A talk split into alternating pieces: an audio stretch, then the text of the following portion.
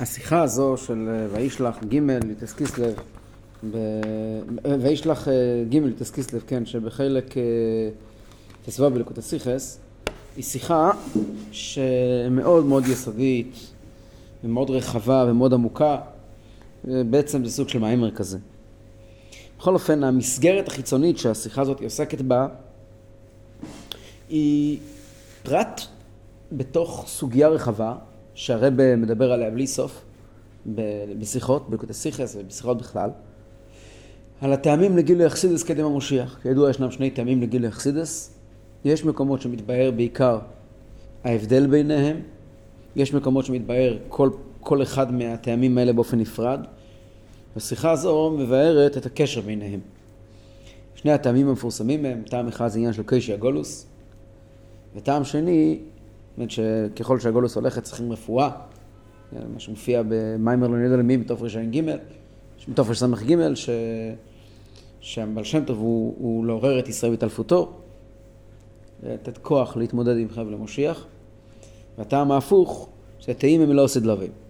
אז שני הטעמים האלה מתבהרים בריבוי מקומות בתורתו של הרבה, ורמוזים בהרבה מאוד פרטים, ופשטות אפילו חסידים, אני חושב שהרבה פעם הצביע שהסקומס של רב זושה ורב ידולי בכהן לתניא הם אותם שני עניינים, שרב זושה כותב שני אספדוסינו, שזה עניין של, של הטעם הזה של אוסידלובי, ההתחלה של משיח. ו... ורבי דולייב כותב, תקנ"ו, שידוע אצל חסידים של שטייבס, תניא קטרס נשום ורוח, שזה יעזור לתחלואי עקבסא דמשיחא. עכשיו, על פניו, שני הטעמים האלה הם הפוכים. טעם אחד מדבר על הקטנות של סוף הגולוס, איקווס דמשיחא. טעם שני מדבר על הגדלות של התחלה של משיח. והשיחה הזו מבארת את הקשר בשני עניינים. זה המסגרת שבתוכה השיחה הזאת היא מתחוללת. אחר כך יש פה מה הבניין שרבה בונה, ובתוך הבניין הזה גופה ישנם חדרים מפוארים שהם יסודות גדולים בתורתו של הרבה. אז באופן כללי הבניין הוא שהבניין עוסק בעניין של יפוצו מעייניסך וחוצו. היסוד הגדול שהרבה חידש שהמעיונס עצמם, שהחוץ עצמו נהיה מעיונס. לא שהמעיין מתפשט אל החוצה, אלא החוץ עצמו נהיה מעיונס. זו נקודה מאוד מאוד יסודית בתורתו של הרבה, וכאן היא מתבהרת באופן עמוק. אה, אולי דוגמה לדבר, שלפעמים רוצים להבין את העניין ולהסביר אותו לאחרים, ואז מבינים יותר טוב לעצמנו, זה ההוראה של הרבה להדפיס טניה בכל מקום. זאת יכולנו, יכול היה להיות שיהיה טניה מודפס בסבסנטי ובכפר חב"ד, ומשם יישלח לכל העולם כולו, והרבא ציווה לא, שיהיה מודפס טניה, שיהיה כתוב עליו דרום קוריאה, ויהיה מודפס טניה, שיהיה כתוב עליו אה, בני ברק וכך הלאה, שיהיה כתוב על הטניה עצמו, שהוא מודפס מקום מסוים, שהמקום עצמו מדפיס טניה, לא רק שמביאים לשם טניה. זו דוגמה לעניין הזה בגשמיס פשוט, איך שהרבא לימד אותנו. אבל כאן בשיחה הרב מדבר על העניין הזה שהמעיונס נובעים מהחוצה, זה בעצם אותו נקודה, המעיונס זה העניין של מושיח, והחוצה זה העניין של ליקוסיד המשיחה. אז איפה רואים, איך יכול להיות שהמעיונס עצמם יצאו וינבעו מהחוצה. אז הרב בונה ומצביע לנו על כמה, כמה זוויות שאפשר לראות את הדבר הזה. התחלה בתרא, כי הכל מתחיל עם תרא, אז מעיינסךו זה פנימיס התרא, חוצה זה גל ידי תרא. ויש מצב שפנימיס התרא משפיע על גל ידי תרא. זה לא, זה לא שהמיונס, זה לא שהחוץ עצמו נהיה מיונס.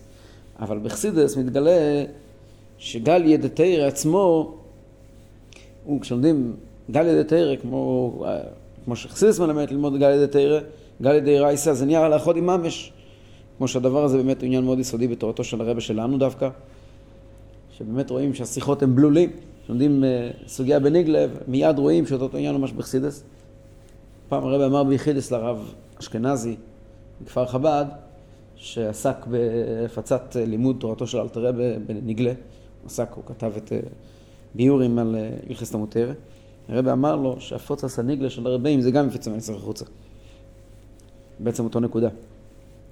אחר כך רואים את זה כפי שזה נמצא ביחס בין, אה, בין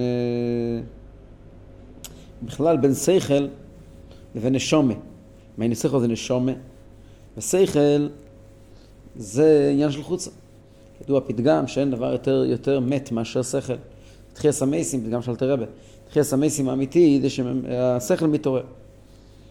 ובאמת, פה נעשה איזושהי עצירה קצרה, וננסה להבין את הדבר הזה יותר לעומק. מה באמת הפירוש על תראה בגילה אמונה בשכל? מה פירוש המילים האלה? זה מילים שהן קצת קשות. כי אם זה אמונה זה לא שכל, ואם שכל זה לא אמונה, וחסיס לא עוסקת בהסברה של אמונה בשכל. חסיס לא עוסקת בראיות לליכוס. ברגע שזה ראיות זה כבר לא אמונה. הפירוש הוא בפשטות, לפעמים חושבים לעצמנו, יהודים כמו הרמב"ן, סתם לצורך העניין, הרמב"ן, או גדל ישראל הראשונים, שעסקו בקבולה, ולא ידעו את כל מה שהאריזל גילה. לא ידעו. והם לא ידעו את, את השפה שחסידס ודאי מדברת. היה חסר להם מידע, או שלא היה חסר להם מידע. ולכאור, מדובר פה בגדולי עולם, הכי גדולים שיש. רמב"ן מדבר קבולה, אבל הוא לא יודע מסייד הצמצום, והוא לא יודע, והוא לא ידע מהרבה מאוד דברים שאנחנו יודעים היום. אז ברור שמידע היה חסר לו. ברור שהוא לא ידע. אה, אבל, יחד עם זה, לא היה חסר לו שום דבר. מכיוון שהקשר של השפה האיסיס שקבולה שהתגלו אחר כך, זה כדי להסביר, שנוכל להבין בדעת מה, מה, על מה מדברים. אצלו, אצלם, לא היה צורך בלדבר את זה, זה, זה היה החוויה בעצמה. מה הפירוש ACS לדבר? לפעמים רואים בן אדם ש, שחווה, דוגמה פשוטה. אנחנו יודעים שתרא שבעל פה נכתבה ונוצקה לתבניות מסודרות אחרי החורב. נכתבה על ידי רבי יהודה הנוסי, ולפני כן רבי עקיבא כבר סידר אותה בצורה של אה, שיטות מסודרות ומקובעות. עד שלפני כן היה תופריש סדורים, היה מלא מלא מלא מלא מידע, הרבה מאוד מידע, אבל רק אחרי החורבן הדברים הפכו פתאום להיות מסודרים ועם איזושהי מתודה שיכולים להפוך את זה אחר כך לשישה סדרי משנה. אם היינו פוגשים יהודים מבייס ראשון, או אפילו יהודים מבייס שני, לפני התנועים או בתחילת התנועים, יכול להיות שלא היה לו תמיד את ההגדרות המדויקות. לפני שסומכוס אמר, אה, המיצי מחבר לו וראיה, לא בטוח שהוא היה יודע לומר את המילים, המיצי מחבר לו וראיה. אבל העניין היה ברור שלא צריכים אפילו לומר מילים. הגדרות מתחילות במקום שבו בו, בו, בו דברים מפסיקים להיות ברורים. ילד לא יודע דקדוק, אבל הוא מדבר עברית מצוין. הוא לא יודע דקדוק. מי מתעסק בדקדוק? או חכמים גדולים שרוצים לתת איזה שהם הגדרות לדברים. או מי שרוצה, מי שמרחוק בא, ולא גדל בתוך זה, ורוצה לדעת איך מדברים עברית. אז צריכים ללמוד אותו דקדוק, ללמוד איתו בניינים, פעל, פועל, פייל, כי אחרת הוא לא יבין על מה אתה מדבר. אבל מי שגדל בעברית, הוא לא זקוק, וזה לא פירוש שהוא יודע, הוא לא יודע. אבל אינטואיטיבית, זה השפה שלו. אליקוס חי, אליקוס נשמתית, חיבור לליכוס, זה דבר שקיים בדרס הראשונים יותר מאשר בדרס האחרונים. ככל שנוקפים הדורות, אז, אז, אז מקבלים יותר ACS להסביר יותר, יותר כללים, יותר שיטתיות. זה מאינטואיציה לשיטה, והדברים הופכים להיות יותר ויותר אה, מוצקים ומסודרים. ועדיין, כל העולם הזה של הליכוס, כל המושג של הליכוס, אמונה, עד שאלתרבי הגיע, לא באמת ירד למקום שנקרא שכל. הגיע אלתרבה, אלתרבה לא מוכיח אמונה על פי שכל, אבל אלתרבה מדבר אמונה עם שכל. אלתרבה מדבר בלוגיקה, בשכל ישר, מבאר עניינים של אמונה. ובצורה הזאת, ובצורה הזאת, שכל הופך להיות כלי, כלי לחוות את אותה חוויה שהיה קודם. זאת אומרת, זה לא כשהוא מוצא כאן שיטה, כמו שאפשר לומר כבר על האריזל ומקומות נוספים, שיש איזושהי שיטתיות, איזושהי, איזשהו מבנה, שאפשר לומר, הנה המבנה הזה הוא עוזר להבין. תראה, לא עוזר להבין קבולה, לא זה הנקודה, חסידס היא לא ביור על קבולה, קבולה היא ביור על חסידס.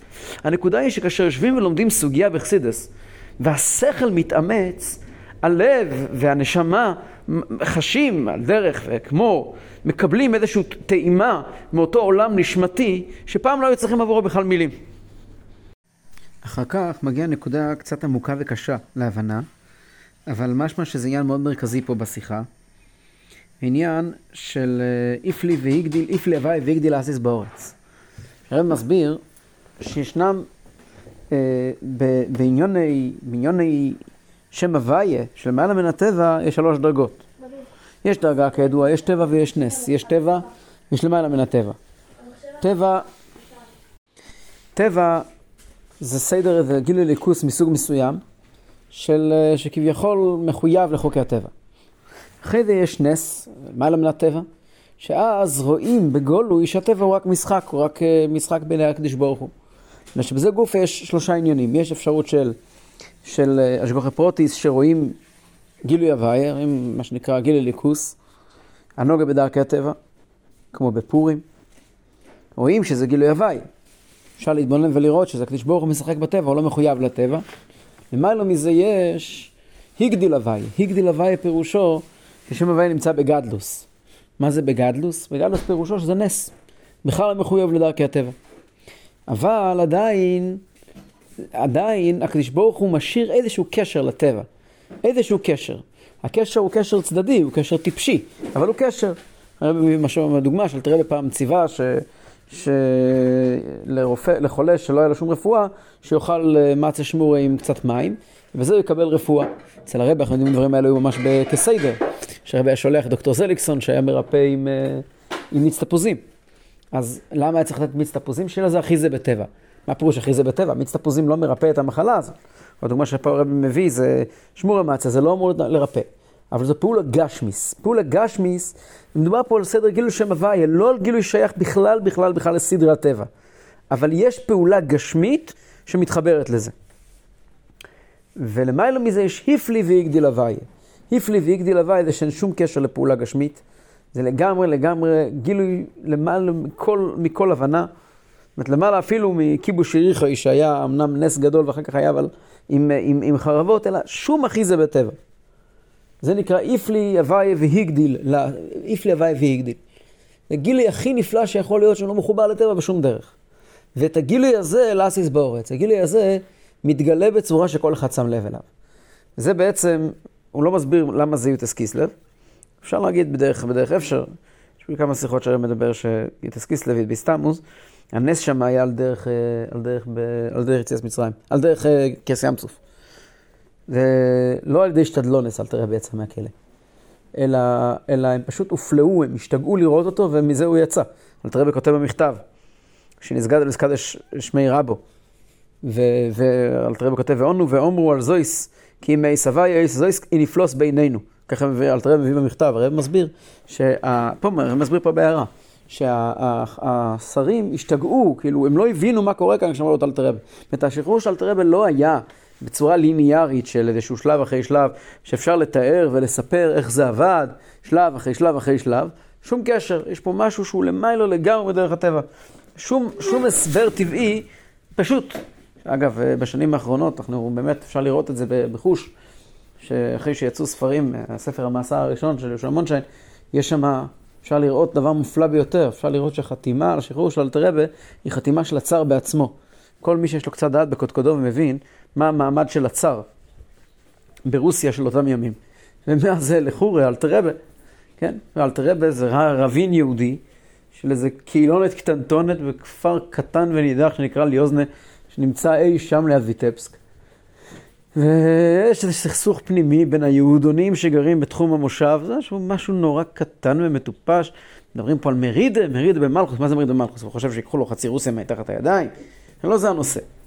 הוא צר אדיר שמושל על, על תשע, עשר אה, אה, אזורי זמן, ו, ובאותם ימים אה, זה היה מרחבים אדירים שלנסוע בעגלה מפינה לפינה, אפילו רכבות לא היה אז. זה לא נתפס בשכל איזה גודל של מדינה היה לו, וכמה אדיר הוא היה, וכמה חזק הוא היה, וכמה בלעדי הוא היה, וכמה שזה לא דמוקרטיה, אין לו שום צורך באף אחד. אל תראה מובא לכלא, אל תראה מובא לכלא, אל תראה פתאום מגיעים צבא, משטרה, אל העיירה הקטנטונת הזאת, ולוקחים את הרבי באמצע היום. זה לא נתפס בשכל בכלל להבין מה זאת אומרת, המרכבה השחורה, סיפרו לנו בתור ילדים, כשחושבים על זה קצת, כמה רגעים, מבינים שזה, אין לנו שום דרך בימינו לתאר מה מדובר. העיירה קטנה ומנומנמת, נכנסים פתאום, אחרי זה פתאום עגלה, מרכבה, מגיעה מעיר הבירה פטרבורג. ומי חותם על הצו של השחרור? רואים, יש תמונה של זה. יש תמונה של זה. הצר בעצמו נכנס וחותם שהוא בירר את העניין, וחסידס צריכה להיות מופצת, ואלתרבה לא, לא בא לחדש דת, זה לא מובן בשכל. לא שייך פה שתדלונס, אף אחד לא יכול ללחוץ עליו. מי יימר לו מטסה, הוא היה מלך אמיתי, אף אחד בעולם לא יכול ללחוץ עליו. הוא לא צריך דיפלומטיה, דיפלומטיית חוץ, ולא, ולא אינטרסים של פנים. הוא ענק, הוא גדול, הוא לא אמור בכלל להתעניין בדברים האלה. כשהמלך בעצמו חותם, זה איפלי ואיגדיל הוויה, זה, זה, זה, זה לא, אין, זה, זה לא, אין פה קו ליניארי, אין פה משהו שאפשר להגיד שמגיע בהמשך למשהו. לא מגיע בהמשך לשום דבר. זה פשוט פסק דין של בזנין של מיילו. זה נקרא איפלי והגדיל הוואי. אבל זה קרה באילו מה זה? לאסיס באורץ. הגיע הצער וחתם עם עט. זה לא הפירוש, פתאום נפתחו השמיים וירדו סוסי אש ולקחו את אלתרבה. לא זה מה שהיה. לא הפירוש שפתאום נמס כל הכלא. הגיע הצער, אי אפשר להבין איך זה קרה, וחתם. איך תבין? אולי זה הפירוש. להבין מה זה איפלי והגדיל הוואי, איפלי הוואי והגדיל מצד אחד, לאסיס בורד מצד שני. וזה שוב פעם חוזר לאותה נקודה שמההתחלה, שיש פה פאקים קטנים מצד אחד, ו- ולבד ומצד שני.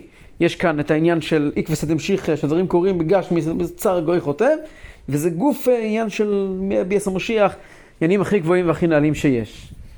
וזו הנקודה שחוזרת על עצמה בשיחה שוב ושוב, אה, מכל מיני כיוונים, מכל מיני עניינים. וכן, שדווקא בזמן של עקווה של, של חשך הגולוס מתגלה עצם פנימיס התרא. באורי הרב מציין נקודה שמתבהרת באריכות גדולה בקונטה סיניונו. עניין של גילו היחיד הוא דווקא בדל דמס.